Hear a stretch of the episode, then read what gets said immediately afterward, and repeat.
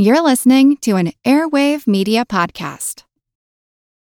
For the ones who work hard to ensure their crew can always go the extra mile, and the ones who get in early so everyone can go home on time, there's Grainger, offering professional grade supplies backed by product experts so you can quickly and easily find what you need. Plus, you can count on access to a committed team ready to go the extra mile for you. Call, clickgranger.com, or just stop by. Grainger, for the ones who get it done.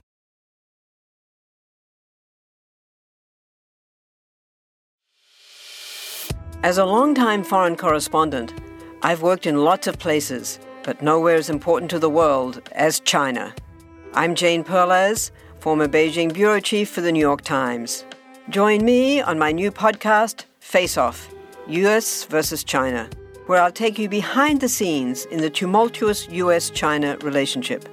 Find Face Off wherever you get your podcasts. This is Kickass News.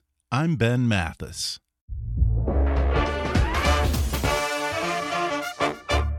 Hi, folks. Ben here with a quick favor to ask. There are some great advertisers who support the show, and in order for them to continue doing that, I need your help. Please do me a favor and go to podsurvey.com slash kick and take a quick anonymous survey that will help us get to know you a little better. Even if you've taken our show's podcast listener survey before, the current one is new and different, so I'd really love for you to take it again. Plus, once you've completed the survey, you can enter to win a $100 Amazon gift card. Again, that's podsurvey, P-O-D-S-U-R-V-E-Y dot com slash kick. Thanks for your help, and now enjoy the podcast. Hi, I'm Ben Mathis, and welcome to Kickass News. Last year, millions of Americans watched the docu-series Making a Murderer and became completely obsessed with the strange case of a surly Wisconsin man named Steven Avery. In 1985, Avery was arrested and convicted of sexual assault, but after serving 18 years in prison, Avery was exonerated by DNA evidence and released. He promptly filed a civil lawsuit against Manitowoc County and its former sheriff and district attorney, seeking 36 million in damages for his wrongful conviction. Two years later, Avery was rearrested and charged with the murder of Teresa Halbach, a photographer whose SUV and charred remains were found at Avery's salvage yard. The handling of the Halbach murder case was highly controversial. Steven Avery and his lawyers, Jerome Buting and Dean Strang, argued that he had once again been set up by his judicial adversaries. Nonetheless, he and his 16 year old nephew, Brendan Dassey, were convicted and sentenced to life in prison. Then, 10 years later, the docu-series Making a Murderer debuted on Netflix and was seen by over 16 million Americans in its first two months. It raised new questions about the second Steven Avery case, prompting over 500,000 people to sign a petition for President Barack Obama to grant Avery a pardon, and leading a federal judge to overturn Brendan Dassey's conviction, only for Dassey's release to be blocked by an appeals court. Now, Netflix has announced that there will be a second season of Making a Murderer this year, and two books with very different takes on the Avery case hit the shelves within a week of each other. Jerome Buting, the attorney who, along with his co counsel, Dean Strang, defended Steven Avery in the 2005 rape and murder trial, claims Avery was framed in his new book called The Illusion of Justice Inside Making a Murderer and America's Broken System. While Ken Kratz, the prosecutor in the Avery and Dassey trials, says the evidence speaks for itself in his version titled Avery The Case Against Steven Avery and What Making a Murderer Gets Wrong. Today, both attorneys will argue their cases and discuss what Making a Murderer did and didn't show you. They'll both share their thoughts on the appeal of Brendan Dassey's conviction and recent statements by Steven Avery's former girlfriend, Jodi Stachowski, in which she says she now thinks Avery did it. Plus, Jerome Buting will discuss alternative suspects for the Teresa Halbach murder, and Ken Kratz reveals why Steven Avery later struck up a pen pal correspondence with him from jail. Coming up in this special Making a Murderer episode with Ken Kratz and Jerry Buting in just a moment.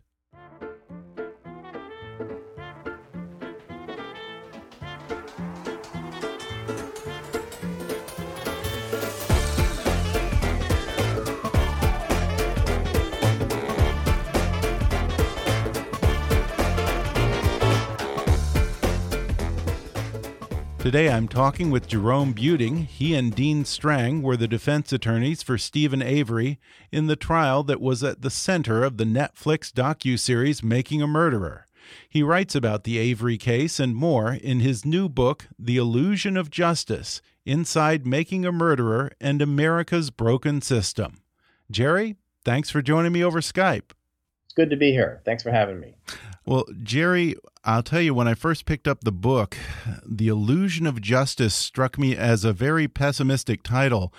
Am I to take it that after all your years as a defense attorney, perhaps you've lost faith in the system?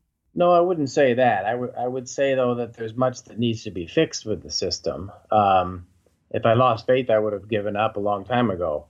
I, I think, though, that there is a, a misunderstanding that people have that justice happens more often than it does. And you know, one of the problems is that that uh, not every case has physical or biological evidence that can be tested for DNA um, and then you know prove someone's innocence. Um, you know, it's estimated anywhere from one or two percent to as many as maybe six to eight percent of prisoners in prison in America are probably innocent. Uh, how did you come on to the Avery case initially?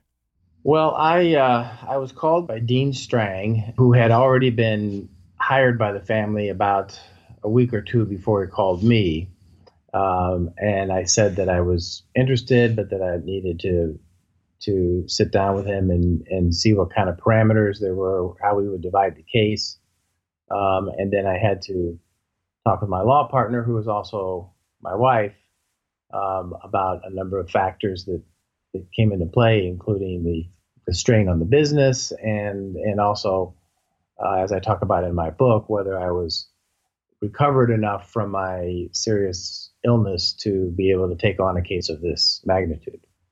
And I was interested to read that apparently there was some talk among you and Dean Strang about you possibly representing Brendan Dassey. Uh, why didn't you end up representing Brendan? What happened was I was meeting with with Dean um, on March 1st in his office for about an hour when the phone rang, and it was somebody from the Avery family saying that Brendan had just been arrested. They said he confessed, um, and at that point we looked at each other, and I, I thought, you know, well maybe I should go represent Brendan because he's going to need a lawyer now. Um, but it didn't take long for us to realize that we'd already been talking for an hour about Steven's case, and that therefore there was a conflict of interest for me to then go over and represent in the same case. But I've often wondered if that call had come in an hour earlier, uh, maybe I would have been representing Brendan all along instead of Steven. Hmm. And the confession of Steven Avery's nephew, Brendan Dassey, and the allegations that it was coerced play a pivotal role in the narrative of making a murderer but I wonder how much of the Dassey confession and questions about the tactics used by his interrogators played into your defense team strategy in the trial of Steven Avery.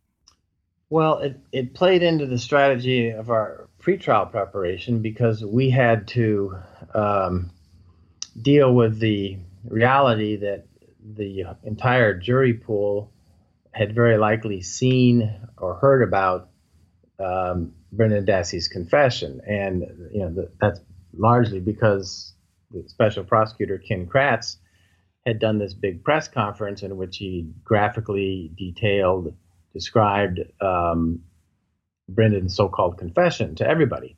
It was front page news, the lead story on TV news for months and months. So we knew that the jury had heard all of this. If Brendan was going to testify in our case, we were prepared for that. We actually had an expert who'd gone through his statements, who, who we had all of his his um, school records, um, mental limitation um, evaluations, and all of that, so that we could show that he was a suggestible young man uh, with a low IQ um, who then was subjected to these interview techniques that are uh, risky in, in terms of pr- producing false confessions with people who are young and vulnerable and with mental limitations. So we were prepared to, pre- to present all of that to the jury if Brendan had been called as a state's witness. But when they decided not to use him, we uh, we weren't able to do all of that. Instead, we had to, to do what we could to, to uh, debunk, that is, disprove uh, those parts of the story that we knew that they would have recalled. So that's what we tried to do at the at the trial itself. And after the documentary came out, there were some who felt that Steven Avery and the Avery family talked Brendan Dassey out of a pretty good plea deal and essentially threw him under the bus to protect his uncle. I'm guessing that you don't see it that way. No, I don't see it that way. I mean, they recorded every single conversation that Steven Avery had with any of his family members, all of the contacts that Brendan had with his family members. You know, I think it was just Brendan's mother, who knew her son, um, knew his limitations better than anybody, and knew that he hadn't done this. And she did not feel it was his attorneys were fighting for his interest and trying to represent him. And so I, I, I really think it was a matter of she believed in his innocence and um, he was telling her that he was innocent. And ultimately, that's why he wasn't willing to accept any kind of a plea bargain that the state was offering. In your defense of Steven Avery, you submitted a number of alternative suspects that you thought had merit, but they weren't investigated. I'm sure you can't give the names of those people out, but what did you base those suspicions on? Aside from a hunch, was there any physical evidence that might have tied them to the murder of Teresa Halbach? Well, you know, this was one of the trickiest parts of our defense because um, we knew that if the, jury would think that if Steven Avery didn't do it, then who did? And so, what you generally have to do is you've got to show that somebody else had the access and opportunity and a legitimate tendency to have done this crime. And problem is there was really no motive, you know, for to, to kill Teresa Halbach. The state never produced any either. Therefore, we we were able to name the people that we thought had as much motive as Steven, which is to say nothing, but that had access and opportunity during the time period that she disappeared to have committed the crime. Now, one of the ways that we were hindered is because of the police investigation or law enforcement investigation in this case. You know, studies have shown that somewhere in the neighborhood of 90, 95% of the time, when a woman is killed, the perpetrator is within her circle of of men friends. Right. That is a husband, ex-husband, boyfriend, ex-boyfriend. You know, somebody she works with, some somebody within that circle, and therefore that's where the initial focus of a of a law enforcement investigation should be. They did almost nothing in this case to investigate the people that were associated with Teresa Halbach they instead focused only on Steven Avery. So, um, you know, we named people that we thought could have been viable suspects, but frankly, there were others that I know um, that I can't say should have been one or more prime suspects, but because the, the law enforcement did no investigation, did nothing to check out where they were during the, the critical time periods, we were not able to even name them as possible suspects in our motion. Do you think Detective Andy Colborn and Lieutenant James Lenk framed Steven Avery? You know, what's not all that clear in the in the documentary is that Steven Avery spent the last eight years wrongful imprisonment on that that rape conviction. Right. Um, in large part because Lenk and Colborn got a tip from another law enforcement agency that they had the wrong guy in prison and they did nothing about it. Um, they didn't investigate it, didn't even record it, didn't even didn't uh, refer to anybody to investigate. And and that information came out in their depositions and depositions of, of a couple of other people just three weeks before Teresa Halbach disappeared. So they were really on the verge of becoming named defendants in that lawsuit. And they knew that. And yet uh, when the investigation focused on Steven Avery and the public was being told that Manitowoc had had recused themselves and had turned over the investigation to the neighboring county, um, Lenk and Colborn are the ones who raise their hands and volunteer to search Steven Avery's trailer. of all the things that they could have searched 4,000 cars, many other buildings in the, on the property.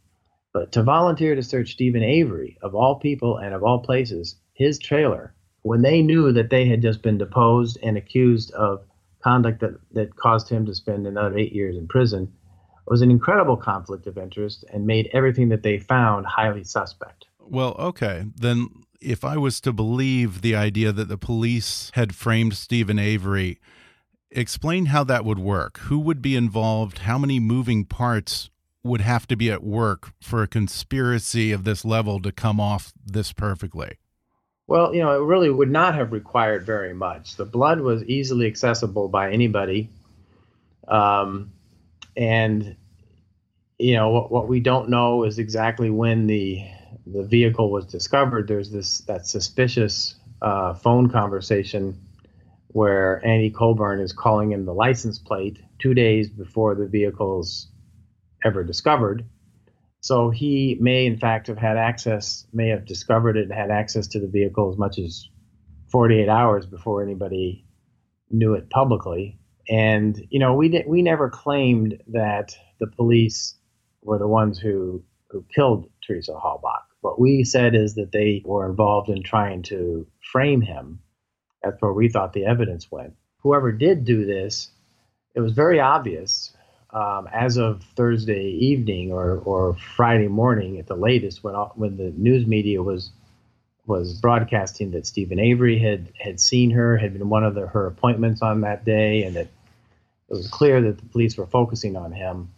Um, whoever the real perpetrator was would have known. They could assume that the, focus was going to be on Steven Avery and um, they're probably at that point, sometime on Friday, Friday night, before the vehicle was discovered the next day, either put the vehicle on the property or dumped the bones in his burn pit or both. Is it your belief that whoever framed Steven Avery also killed Teresa Halbach, or was it that they just somehow found the crime scene and then transferred it to his property and framed him? I'm I'm confused. Well, there was clear evidence that the bones had been moved, and um, the question then was who moved them and, and why. As the state argued, if Teresa Halbach had been killed and mutilated and burned her body in the in the, the burn pit outside of Steven Avery's trailer, then why were the just a few of the bones moved, and why were they found in a burn barrel, you know, 100 couple hundred feet away behind the Dassey house, you know, first of all, if you're if she was burned somewhere else, then clearly Steven Avery was not guilty because nobody would would kill a person, burn them, and right. then dump the remains on your own backyard. Um, but only about 40% of her skeleton was ever recovered. Some of those bones were mixed in to within the, this burn barrel and we think that what made most sense is that somebody used that burn barrel to scoop up her remains from the original site, dumped them on Steven Avery's burn pit, and then put the burn barrel behind the Dassey house, and some of the, the, the bones remained stuck in the bottom of that burn barrel. I see. One of the things that's that was difficult about this is that for some completely unexplainable reason, the the uh, the state had absolutely no pictures of the bones as they were found in the burn pit, in the burn barrel.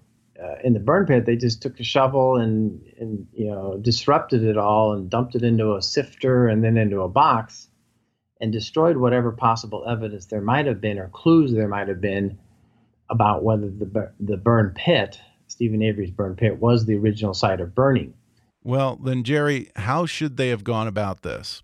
Um, what should have been done, and uh, normally would have been done, is the coroner would have taken over. A coroner has legal jurisdiction, the county coroner, for um, any remains found out in the elements. Um, and the coroner in this case was barred from the property, refused to go. She had already arranged for uh, forensic anthropologist, archaeologist type individual to come who could do, could do a, like a, a grid where you lay out like you'd see in in archaeology uh, excavation that would have told us if, for instance, the forearm was next to the, the upper arm, um, you know, bones that were contiguous to each other in a, in a manner that would have indicated that that was where her body originally was burned. None of that was done. No pictures were taken. So all that evidence was lost. To this day, totally unexplainable and unjustifiable failure of the state to preserve the evidence as it was found, even by simple photographs. And I want to talk about the prosecutor, Ken Kratz. Uh, prior to the trial, you know, like most criminal defense attorneys and prosecutors, there's at least a civil relationship. Um, you say that it soured as the Avery trial drug on. Why weren't you two able to maintain some kind of professional courtesy toward the end? I found his behavior in doing that press conference um, unforgivable. Um, he destroyed my client's, Steven Avery's, opportunity to get a fair trial by poisoning the jury pool in the entire state of Wisconsin. Prosecutors are not supposed to do that. You know, they're not supposed to make public statements that can influence the ability of a defendant to get a fair trial. From that point on, I just didn't get along with him particularly well.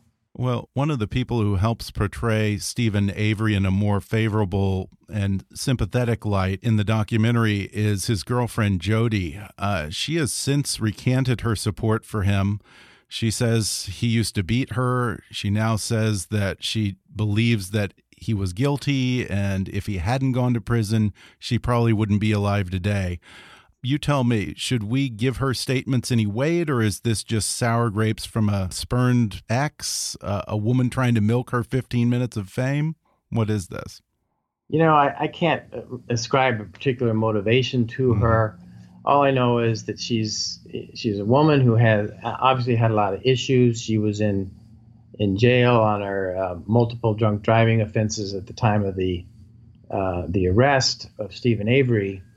Um, she had claimed that about a year earlier there was an incident where the police came out to the to the trailer and she had made claims that she had been beaten and strangled and unconsciousness and this and that. And the the, the police report um, of that particular investigation made note of the fact that she had not a single mark on her, no evidence that she'd been beaten whatsoever, that she was extremely intoxicated, and it was pretty clear they didn't believe her story at that time.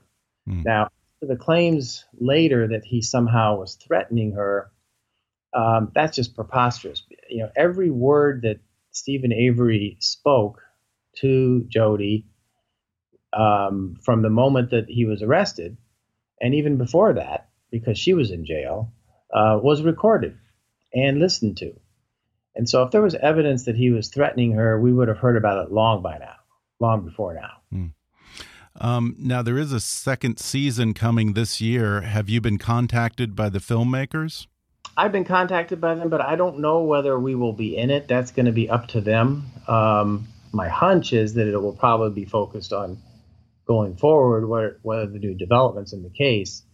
In which case, um, uh, Dean and I will, you know, aren't directly involved in that. So we'll just have to wait and see. Is there one thing that we don't see in the documentary that you would like for people to know or take from this?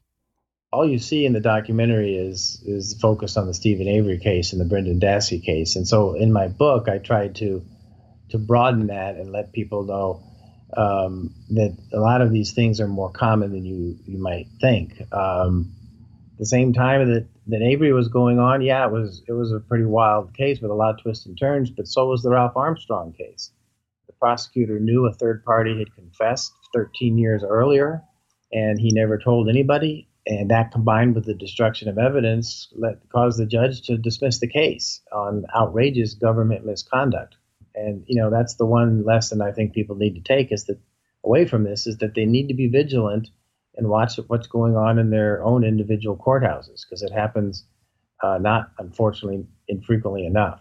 Yeah. Well, again, the book is called The Illusion of Justice Inside Making a Murderer and America's Broken System. Jerry Buting, thanks so much for joining me over Skype. You're very welcome. Thanks for having me. We're going to take a quick break, and then when we come back, you'll hear the other side of the Making a Murderer case with Special Prosecutor Ken Kratz when we come back in just a moment.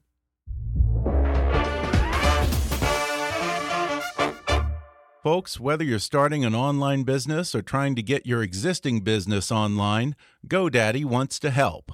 GoDaddy's mission is to radically shift the global economy toward life fulfilling independent ventures, helping customers kick ass by giving them the tools, insights, and the people to transform their ideas and personal initiatives into success.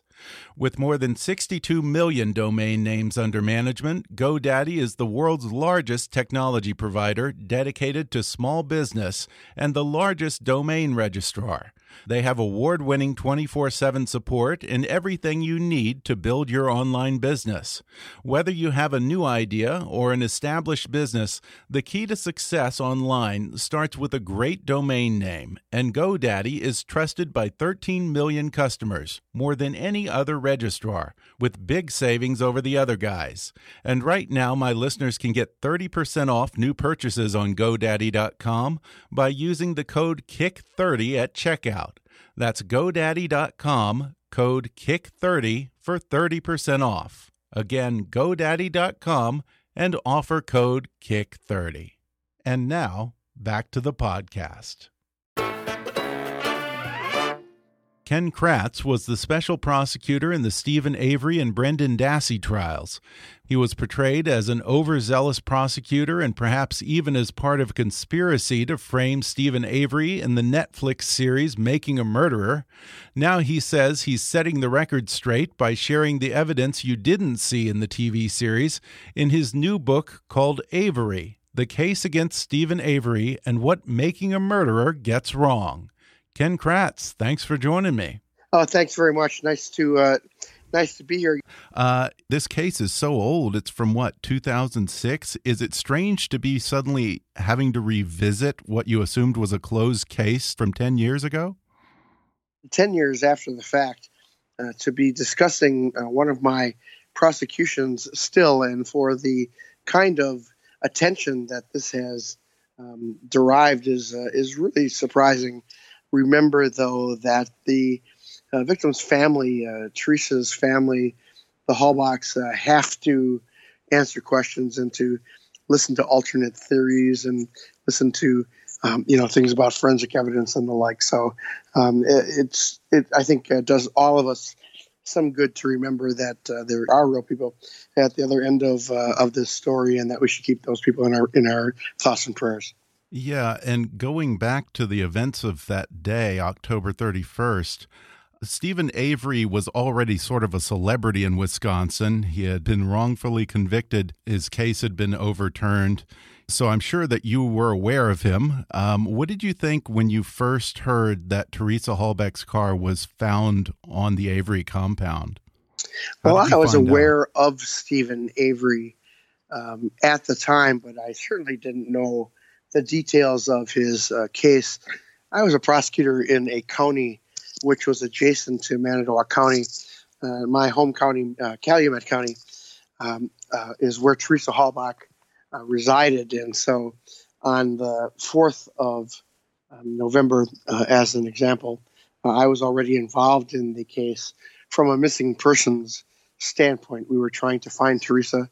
We were trying to do some cell tracking um, information with our phone and some financial records uh, uh, information to try to to try to find her. But when her SUV that she was driving was uh, located the morning of the 5th of November, I remember getting uh, the call uh, shortly before noon on that Saturday. I had a lunch date uh, that I was just about to to go on with my wife at the time, and and uh, and the call comes in. And of course, I I had to um, uh, instead go to the Avery uh, salvage property and uh, assist with the search warrants and other parts of the investigation that a, a DA is uh, is asked to assist, which really changed the course of this investigation.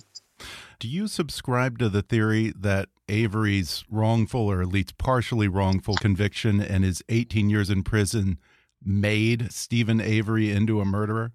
I have the theory that uh, every day that Steven Avery sat in his jail cell, um, he was thinking of what he was going to do when he got out. Uh, I do base that upon statements that he made to other inmates, where he had indicated his intent to build a torture chamber when he was released, his intent to abduct and rape and kill young women. And so, uh, since Mr. Avery was talking about that the entire time that he was in a confined setting, the fact that that's exactly what he did upon his release uh, shouldn't have surprised you know that many people. Mr. Avery, uh, uh, in my opinion, was planning this crime right down to where it was to occur, how he was going to dispose of the body, uh, both of which were uh, specifics that he talked about while he was in custody. And one thing that I didn't really get from the TV series is there seems to be some evidence that this wasn't just a sudden crime of passion or Avery just losing it, but it was premeditated. Uh, talk about some of the weird things leading up to this crime that suggest that maybe he had targeted Teresa. Steven Avery had lured uh, this photographer onto the property on the 31st of October. We know that he had set up an appointment for a photo shoot of a car that he had been selling, but when he had called the Auto Trader magazine, who Teresa had been taking photographs for. He had used a, a different name. He had used a different phone number. Uh, these were a name and, and phone number of his uh, sister.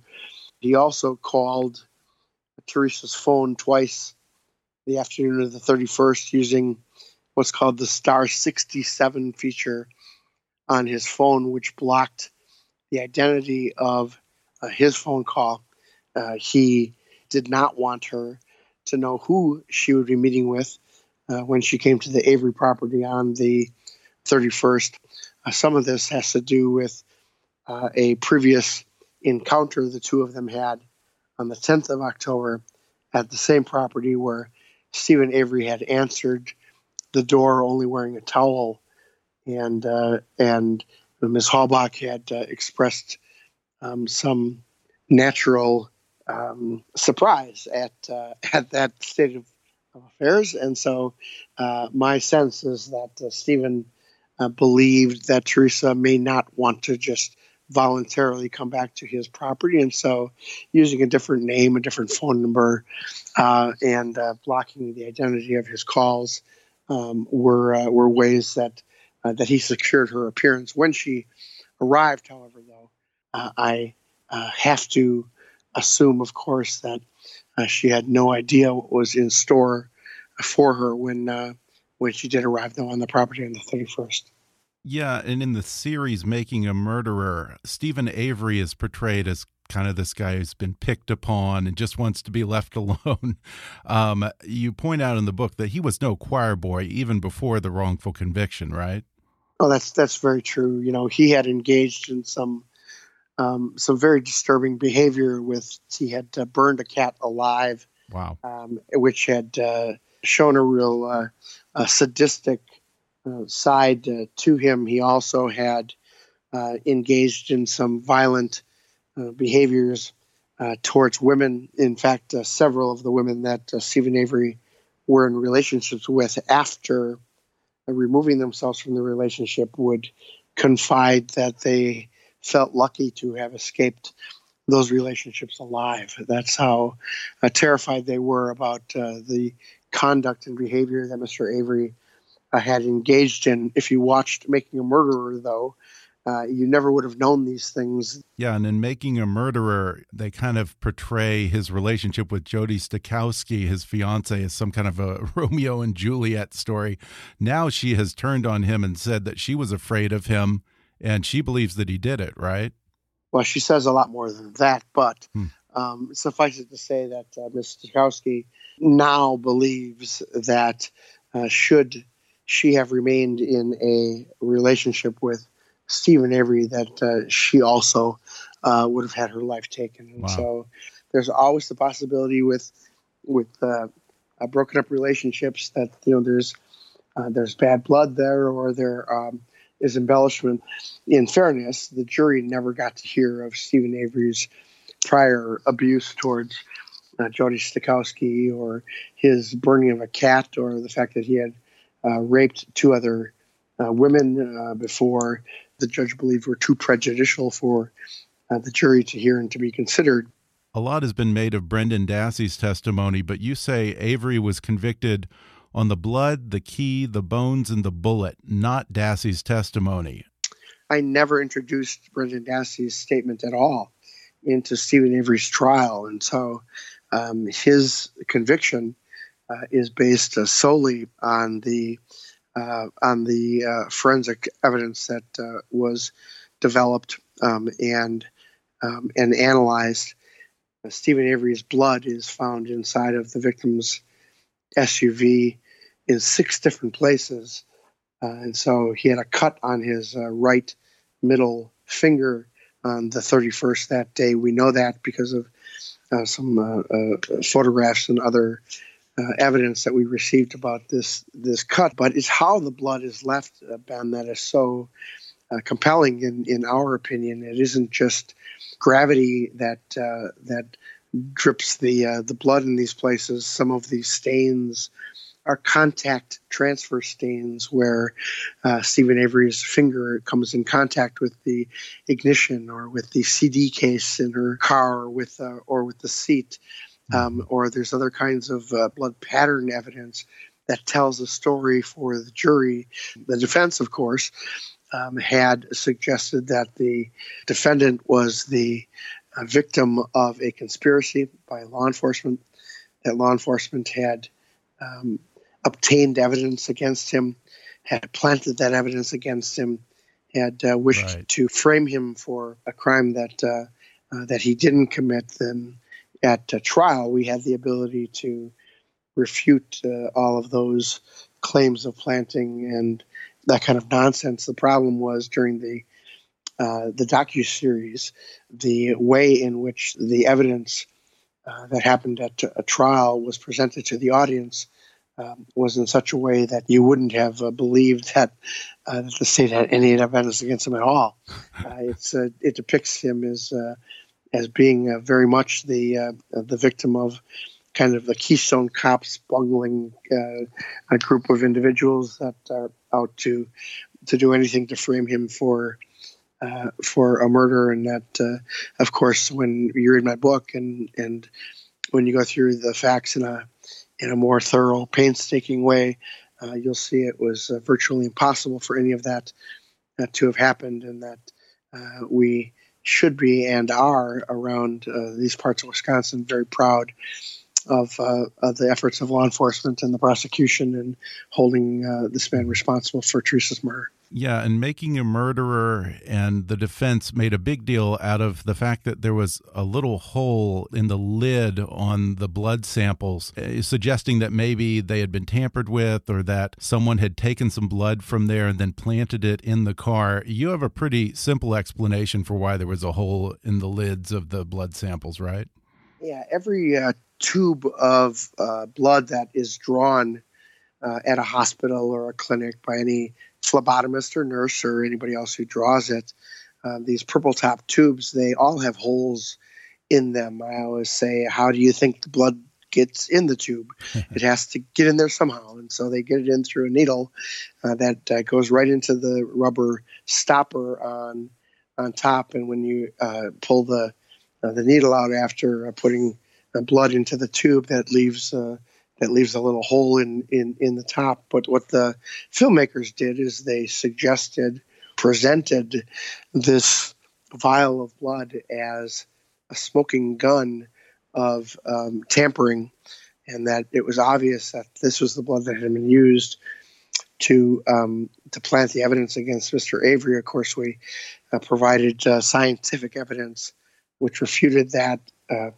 uh there's a preservative that is in the purple topped uh, tube blood that was in the clerk court's office that was not present uh, in the uh, SUV or in the uh, the blood samples that Steven left from his active bleeding, which means, of course, that the uh, tube of blood in the clerk's office could not scientifically be the source of uh, the blood that was recovered from Steven Avery's uh, blood that he deposited uh, by his active bleeding in Teresa's vehicle. And so, once uh, common sense takes over again, and once you're able to look at actual evidence, um, suggestions like that, although they might be interesting to, to talk about sitting around a, a fireplace, they uh, don't have uh, much more evidentiary value than that when it comes right down to deciding if somebody's guilty or not guilty. Uh, is the bullet the proverbial smoking gun against Steven Avery? I think so, Ben. I think uh, I think when you realize the bullet uh, is found in a garage, uh, it's almost a, uh, a pristine bullet, at least pristine to the point of uh, having all of the markings upon it, the striations, the fact that that bullet passes through your body, and of course has the DNA on it uh, and thereafter, when you consider that the bullet is forensically matched to a rifle that is hanging above Steven Avery's bed in his bedroom, uh, that is pretty compelling, pretty damning evidence. Now, the filmmakers, when when it doesn't fit their narrative of innocence, they don't have an explanation for things like uh, you know the bullet and and it matching that gun. Um, they simply don't tell the the audience about it. And so the fact that that the bullet is matched uh, to Steven Avery's rifle uh, compared to any other rifle in the world is never mentioned in the documentary. It's intentionally withheld from consideration, as are many, many facts which uh, demonstrate uh, quite unequivocally that Steven Avery is guilty of homicide. Brendan Dassey's case is being appealed on the grounds that his defense says he was coerced or misinformed, didn't understand the situation he was in. Um, watching the film, I can kind of see how one gets that impression. You know, he doesn't seem to quite understand how much trouble he's in. You say that's nonsense. What didn't we see? You were shown exactly what they wanted you to see. Mm -hmm. You saw one snippet of one uh, interview. That interview itself lasted almost four hours. Uh, Brendan Dassey gave six different statements to law enforcement. Uh, he also made uh, dozens of recorded jail phone calls with his mother and with other family members and other individuals where he makes admissions of his involvement uh, in uh, the homicide and the rape of of Teresa Halbach yet uh, you aren't shown any of that. Uh, you're shown uh, a young man who is uh, obviously um, out of his element uh, with uh, the interrogation. He's obviously um, overwhelmed by the the circumstance in the sense that he hadn't gone through that before. Yet he's able to answer truthfully he, when he chooses to. he knows right from wrong. he uh, provides very detailed narrative when he chooses to. Much of this material is available uh, both uh, on the internet and elsewhere that uh, that can be reviewed, and uh, you can see just how these filmmakers went about fooling millions and millions of people about uh, both Steven Avery and Brendan Dassey and their involvement in this horrible crime in the book, some people might be surprised that you say that he is a victim as well. Um, yes. You say that he was made a sacrificial lamb by whom? One of the real tragic turns in this case, again, in my opinion, comes when I offer Brendan Dassey a a plea offer. I offer him 15 years imprisonment recommendation, uh, in which uh, he'd be out. You know, I think it'd be like five years from now and and it isn't uh, uh, it isn't Brendan's lawyers who turned down the, um, the, the the plea offer, which is a very fair um, plea offer. It's uh, Brendan's own family that uh, tells Brendan not to accept the plea bargain, not because of how it might affect uh, Brendan's case, but how it's going to impact Steven Avery's case. If you think about that Uh, ben, you've got a uh, a young man, a, developmentally disabled 16 year old, uh, really needing the advice uh, from those loved ones around him, and rather than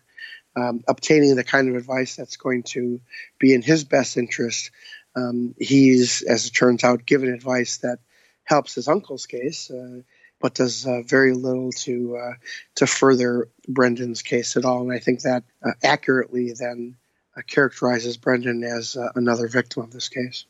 Yeah, and you say that you do have one regret the press conference around the charging of Brendan Dassey. What was part of your decision to do that, and why do you regret it now? I regretted afterwards that my voice or my face was attached to actually um, uh, repeating those facts or telling people what was in the complaint. That probably should have come either from defense attorneys or from um, the media and uh, not from the prosecutor. I took great pains my entire career in not um, not being on uh, TV very much and not being on the media very much. And I always say now, uh, how'd that work out for me? So uh, it just uh, seems it doesn't it doesn't work out very well at all. But I, I would have certainly just uh, released the information to the public and and not have made any public statements about it at all.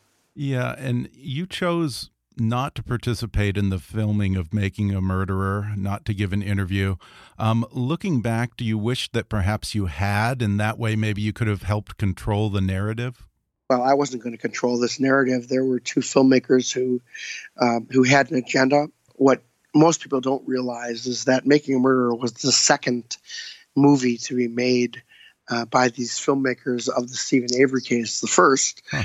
Uh, was a uh, 2008 movie that was presented at the Columbia Film Festival, and it was a smaller, uh, a shorter version, but showed, at least in my opinion, uh, what would be their true agenda, you know, what they really wanted to uh, to portray in this case. I had asked them uh, to see their finished product that, that, thousands of people had already seen mm-hmm. um, at the at the film festival, and they they declined. They said, huh. "We don't want to show it that to you." Uh, I've made several attempts since. I've contacted Columbia. I've contacted Netflix. I've contacted the filmmakers. That film's buried. No one's going to see it, and so hmm. uh, wow. it would uh, it would sure be interesting to see what the the first version was that these two created. You dedicate a whole chapter to the so-called villains of making a murderer. Your colleagues, Detective Andy Colborn and Lieutenant James Lenk, uh, they were portrayed as being behind some kind of a conspiracy to frame Steven Avery. What do you want to say about their character and how this has affected them? You know, Andy Colborn and Jim Lenk were remarkably um, honest and good detectives who, for their entire careers, had done nothing uh, to bring upon themselves any kind of shame uh, or any kind of doubt as to their competence or as to their honesty and and what this uh, film has done is it's stolen from them. Their reputations they're now considered uh, crooked cops. They're uh, now considered to be uh, you know the bad guys when there's been nothing no evidence not one shred that points to uh, anything other than an exemplary job by these two guys and so I uh, tell people what these two guys have uh, had to endure um, since this happened the death threats, the uh, the threats at their home, and receiving exploding packages in the mail, and, and things like that. I hope people understand that. Uh, this isn't a blood sport. You shouldn't be able uh, to use either the internet or, or even beyond that to take out your frustrations um, on uh, on two really uh, really good cops. So when it's all said and done, of course, I I'm hoping that these officers will be able to get back their reputations and uh, enjoy the compliments for their service that they that they deserve, rather than uh, being targeted as uh, villains without any proof uh, in a really shameful way that I think these filmmakers have done for them. Uh, I think you said you got something like four thousand threats, right? Yeah, I did, and and uh, you know when when when you receive you know, just kind of general uh, you know, we don't like you, Ken, or or you know, something mocking. Uh, that's that's okay. You just kind of learn to live with that. But when you receive emails with the degree of specificity of, um, you know, we hope your daughter gets raped, and you have to to to sit and watch it. Wow. And and uh, and and much worse than than that. What I can't repeat on on the radio, it, it, it makes you wonder um, don't they realize that to extend your your hatred and your angst to me personally or to my daughter for that matter uh, is something that is troubling indeed it talks yeah. way more to what the society i think is uh, becoming ben than anything that uh, might be you know relevant to uh, to me or even this case yeah well before we go i was amazed to read that steven avery actually struck up a written correspondence with you six years after the trial. What did he want, and what was in those letters? Well, Steven Avery and I exchanged letters, and one of those letters, Steven Avery asked me if I would uh, handle his appeal for him.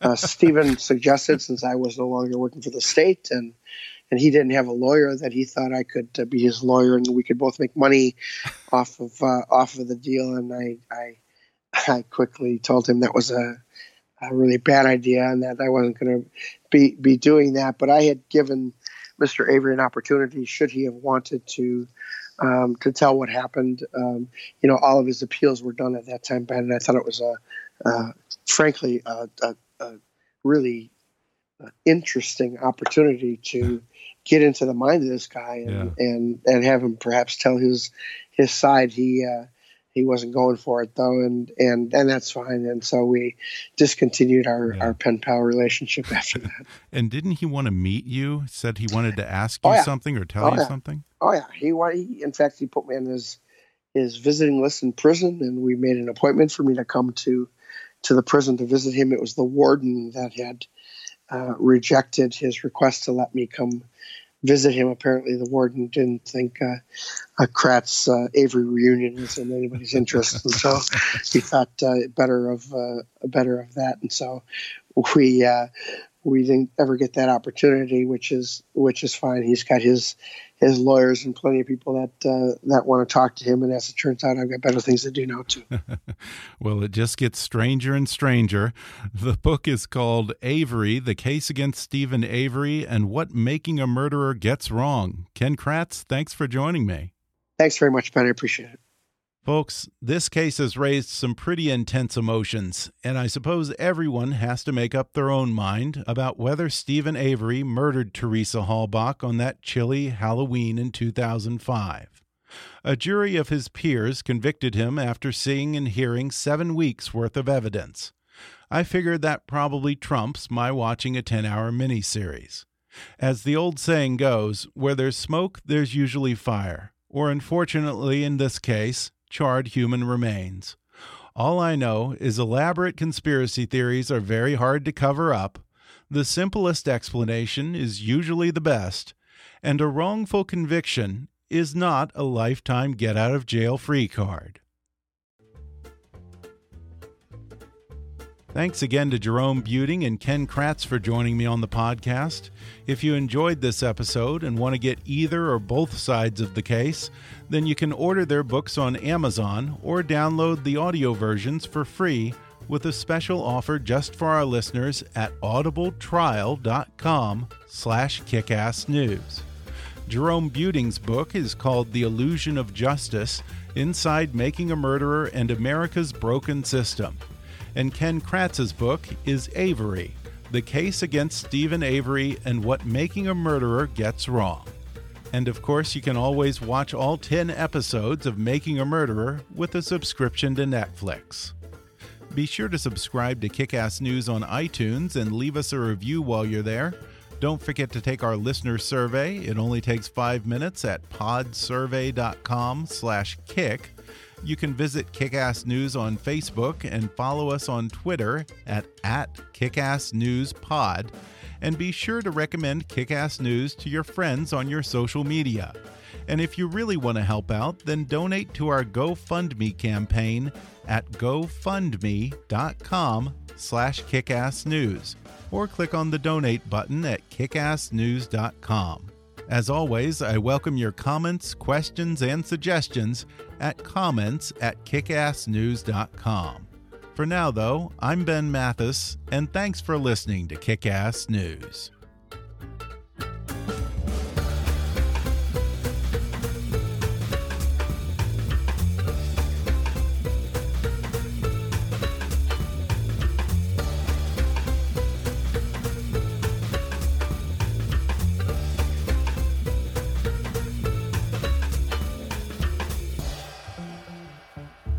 Kick Ass News is a trademark of Mathis Entertainment, Inc.